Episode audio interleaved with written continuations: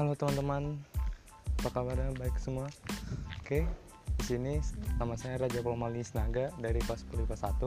Saya akan membahas sedikit tentang uh, virus corona dan pengaruhnya terhadap lingkungan kita. Nah, kita tahu sekarang bahwa kemarin WHO telah menetapkan virus corona ini sudah menjadi pandemi bagi seluruh dunia yang di mana virus corona ini masih belum ditemukan vaksin yang tepat buat universal sampai saat ini. Oleh karena itu kita harus tetap hati-hati dan jaga kesehatannya. Nah untuk memenuhi tugas ini saya akan membahas tentang hubungannya pandemi virus corona dengan terhadap lingkungan yang kita alami sekarang. Pertama kita harus tahu dulu. Kan kita ngebahas lingkungan dan pandemi virus corona nih. Ya kita harus tahu dulu apa sih lingkungan itu? Nah menurut dari Wikipedia yang saya baca lingkungan itu adalah kombinasi antar kondisi fisik yang mencakup keadaan sumber daya alam seperti tanah, air, energi surya, mineral, serta flora dan fauna yang tumbuh di atas tanah maupun di dalam lautan. Dengan kelembagaan yang diliputi ciptaan manusia seperti keputusan bagaimana menggunakan lingkungan fisik tersebut. Itu merupakan definisi dari lingkungan alam. Dan adapun lingkungan sosial dapat diartikan menjadi segala sesuatu yang ada di sekitar manusia dan mempengaruhi perkembangan kehidupan manusia. Nah, dari kita tuh udah sudah mendengar uh, definisi dari lingkungan, lingkungan alam dan lingkungan sosial. Karena memang lingkungan ini sudah dari dulu dan sampai sekarang itu adalah kata yang ada selalu di setiap selang kehidupan kita. Karena lingkungan itu adalah di mana kita berada dan di mana kita hidup. Nah, kan kita ngebahas tentang virus corona nih. Nah, kita cari tahu dulu yuk apa itu virus corona. Nah, menurut dari saya yang penit uh, Wikipedia yang saya lihat, virus corona atau Severe Acute Respiratory Syndrome Coronavirus 2 SARS-CoV-2 adalah virus yang menyerang sistem pernapasan. Penyakit karena infeksi virus ini disebut COVID-19. Ya, oh COVID-19. Virus corona bisa menyebabkan gangguan pada sistem pernapasan, pneumonia akut, bahkan sampai kematian. Ya memang benar sampai kematian karena memang sudah banyak apalagi seperti sampai hari ini di kita tahu di negara Italia sudah banyak sekali orang-orang yang telah meninggal uh, dikarenakan penyakit corona ini. Sehingga um, pemerintah Italia tidak tahu lagi membuat atau menguburkan mayat tersebut di mana karena memang sudah banyak sekali. Sampai bahkan dua kalau nggak salah saya dengar itu 2000 lebih telah meninggal per minggu gara-gara virus corona. Dan Italia tidak punya cukup tempat maka kemarin saya melihat ada video itu dibakar mayatnya langsung buat di dalam suatu pemanasan agar bisa uh, menghanguskan mayat tersebut. Nah itulah yang saya sangkin parahnya atau sangkin tragisnya penyebab atau akibat dari virus corona ini. Oleh karena itu marilah teman-teman kita terus tetap menjaga kesehatan tubuh kita uh, agar kita bisa dapat terhindar dari penyakit tersebut.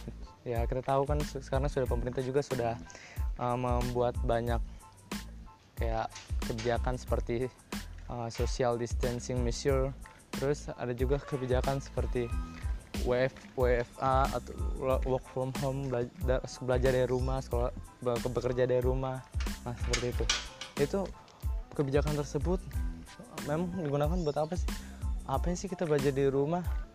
Kenapa kita nggak sekolah? Nah itu digunakan agar atau diterapkan agar untuk mencegah terjadinya interaksi sosial yang sangat banyak di setiap masyarakat Indonesia.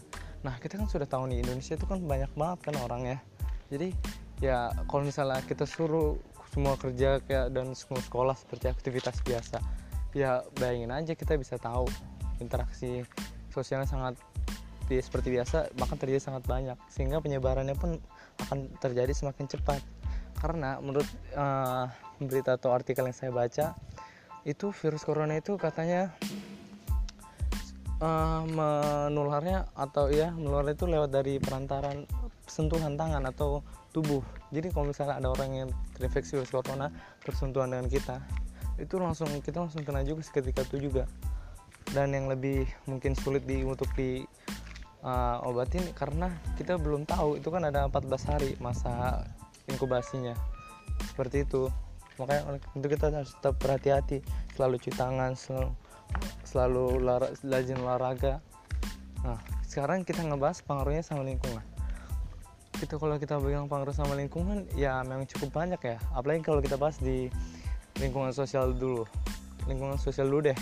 Lingkungan sosial orang masyarakat yang tadinya berjualan berkompetisi terus yang tadinya ada yang pengen ngobrol-ngobrol bersilaturahmi gitu kan curhat gitu kan ya jadi berkurang kan bukan berkurang bahkan gak bisa lagi dilarang sama pemerintah.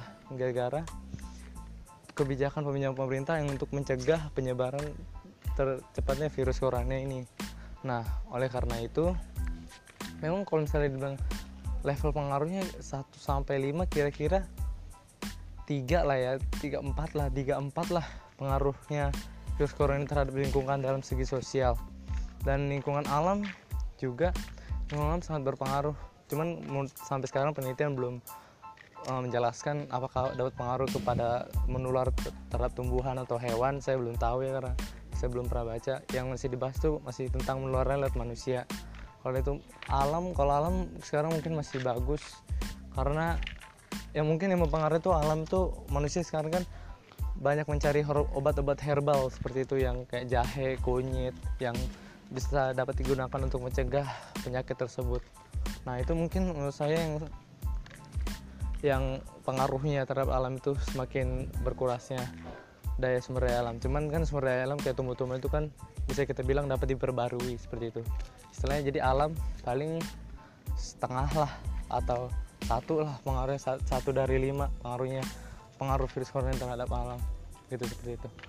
Itulah mungkin teman-teman yang bisa saya dapat jelaskan terhadap pengaruh virus corona terhadap lingkungan ini. Oke okay, inilah sedikit dari podcast saya. Mohon maaf bila ada saya kesalahan kata atau akibatnya tetap jaga kesehatan tetap belajar di rumah. Ingat ya belajar di rumah jangan main. Karena kita itu semakin kalau kita main terus di kan kan lama nih kita suruh belajar di rumah. Kalau kita nggak belajar kita main terus udah tiga minggu lebih nanti tiba-tiba pas ujian ujian ini online oh mungkin oke okay deh kalau misalnya ujian online kita nggak bisa nyontek atau lihat dari Google gitu kan. Tapi nanti kalau misalnya tahun depan yang misalnya virus corona udah selesai pas sebenarnya kayak ujian seperti biasa lagi kita ketinggalan jauh kita nggak tahu apa-apa lagi.